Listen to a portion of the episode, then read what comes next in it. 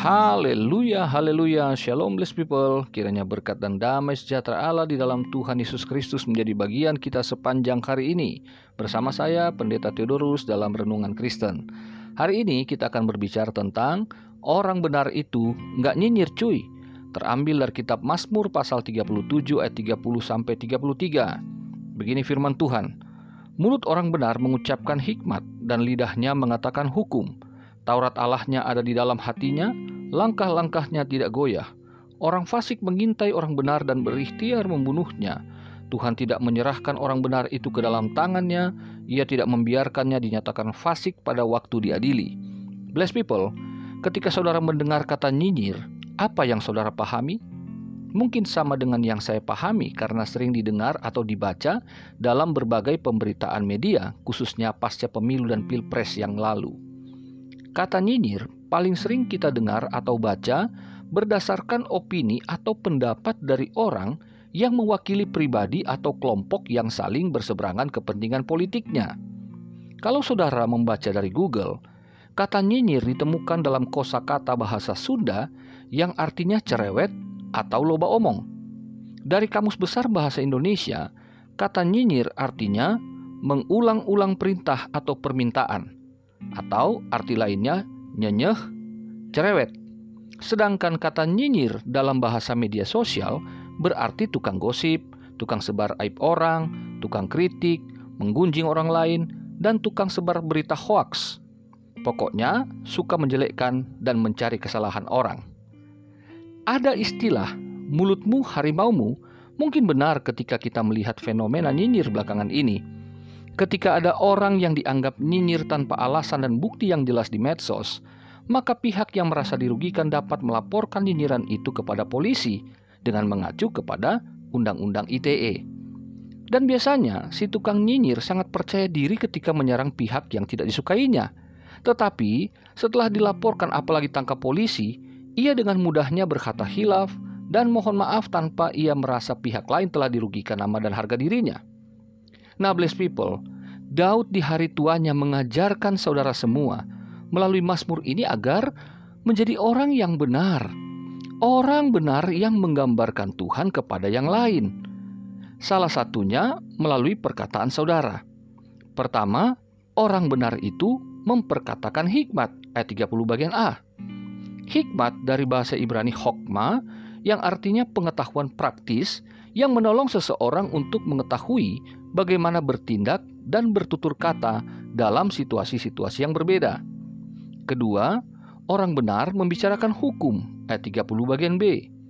Hukum dari bahasa Ibrani mispat yang artinya lidah yang mengatakan kebijaksanaan. Di ayat ini, mispat menunjukkan sifat manusia yang berbicara itu berdasarkan sifat Allah yang mencintai hukum ayat 28 bagian A. Jadi, mulut dan lidah orang benar hanya akan berbicara dengan tutur kata yang bijaksana untuk menolong orang lain, karena hal itu mencerminkan Allah yang ia sembah. Jadi, orang benar itu nggak nyinyir, cuy. Bless people, mengapa orang benar bisa nggak nyinyir? Karena Taurat Allahnya ada di dalam hatinya, kata ayat 30, eh, 31 bagian A. Inilah yang memampukan orang benar untuk menjauhi yang jahat dan melakukan yang baik. Ayat 27 bagian A.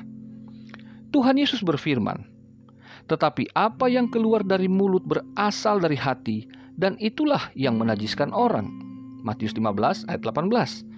Dengan demikian, orang benar akan berbicara yang baik dan terukur karena hatinya dikuasai oleh Taurat Tuhan. Hatinya benar, maka perkataannya pasti benar tidak mungkin bertentangan. Sedangkan orang fasik selalu mengintai orang benar dan berikhtiar membunuhnya ayat 32. Ia terus mencari kelemahan dan membunuh karakter dengan nyinyirannya.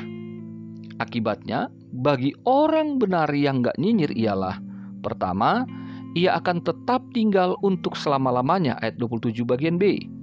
Kedua, Tuhan tidak akan meninggalkan orang-orang yang dikasihinya dan sampai selama-lamanya mereka akan terpelihara.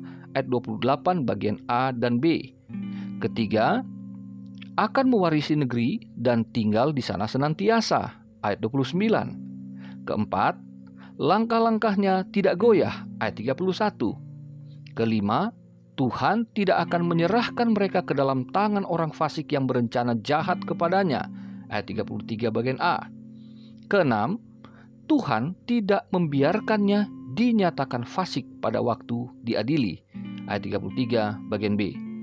Sedangkan akibat bagi orang fasik ialah anak cucu orang fasik akan dilenyapkan, ayat 28 bagian C. Di pihak orang benar, anak cucunya diberkati dan menjadi berkat. Ayat 25 dan 26. Saudaraku, setelah mendengar penjelasan tadi, maka saudara dapat melihat perbedaan antara orang benar dan orang fasik dalam konteks perkataannya. Manakah yang akan saudara pilih? Perhatikan dampak yang luar biasa pada keturunan orang benar dan orang fasik ternyata ditentukan oleh orang tua yang ada sekarang ini.